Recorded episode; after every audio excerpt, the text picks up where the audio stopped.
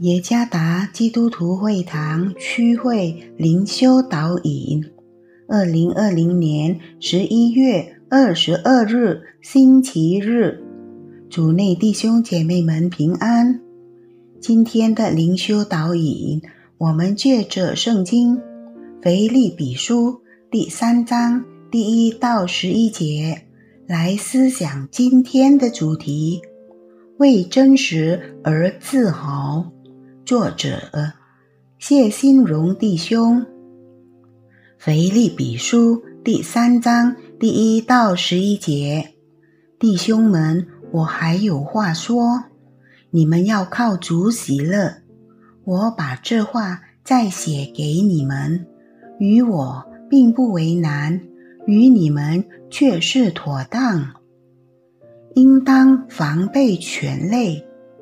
防备作恶的，防备妄自行歌的，因为真受歌礼的，乃是我们这以神的灵敬拜，在基督耶稣里夸口，不靠着肉体的。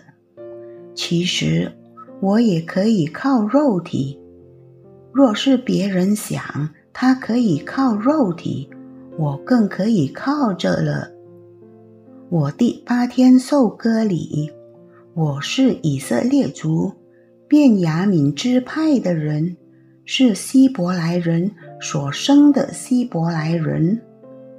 就律法说，我是法利赛人；就热心说，我是逼迫教会的；就律法上的义说，我是无可指摘的。只是。我先前以为与我有益的，我现在因基督都当作有损的。不但如此，我也将万事当作有损的，因我以认识我主基督耶稣为至宝。我为他已经丢弃万事，看作粪土，为要得着基督，并且。得以在他里面，不是有自己因律法而得的义，乃是有信基督的义，就是因信神而来的义，使我认识基督，晓得他复活的大能，并且晓得和他一同受苦，效法他的死，或者我也得以从死里复活。凯利威尔克斯是一位来自美国的女人，是许多爱上带有玫瑰花般叶子的观赏植物——多肉植物拟石莲花属之美的人之一。她已经照料此植物两年了。凯利真的很喜欢她的多肉植物，甚至。相当保护它，不允许其他人给植物浇水。凯莉要确保自己的多肉植物得到适当的照顾。两年后，他决定更换此多肉植物的花盆。当凯莉将植物从塑料盆取出时，他感到非常震惊。他没看到泥土，而是发现这多肉植物粘在泡沫聚苯乙烯上。除了震惊之外，凯莉当然还感到受骗。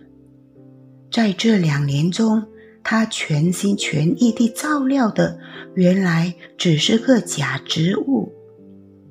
在第八节中，使徒保罗说。曾经被视为光荣的，现在被视为垃圾。这是保罗将他的新生活与旧的生活进行比较的方式。身为以色列人的使徒保罗，有许多值得骄傲的事情，无论是遗传、学历、职业、社会地位等等，但是。当保罗认识了耶稣基督之后，他认为这一切都是有损，都是垃圾。原文的意思是粪土。为什么呢？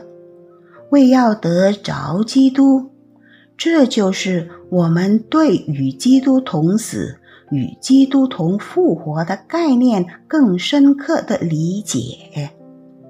此外，我们对他的了解更多，我们就更多地将这个世界上的一切视为没有价值的东西，因为我们拥有了。对我们生命宝贵的基督，这样我们才能将基督视为永恒的珍宝。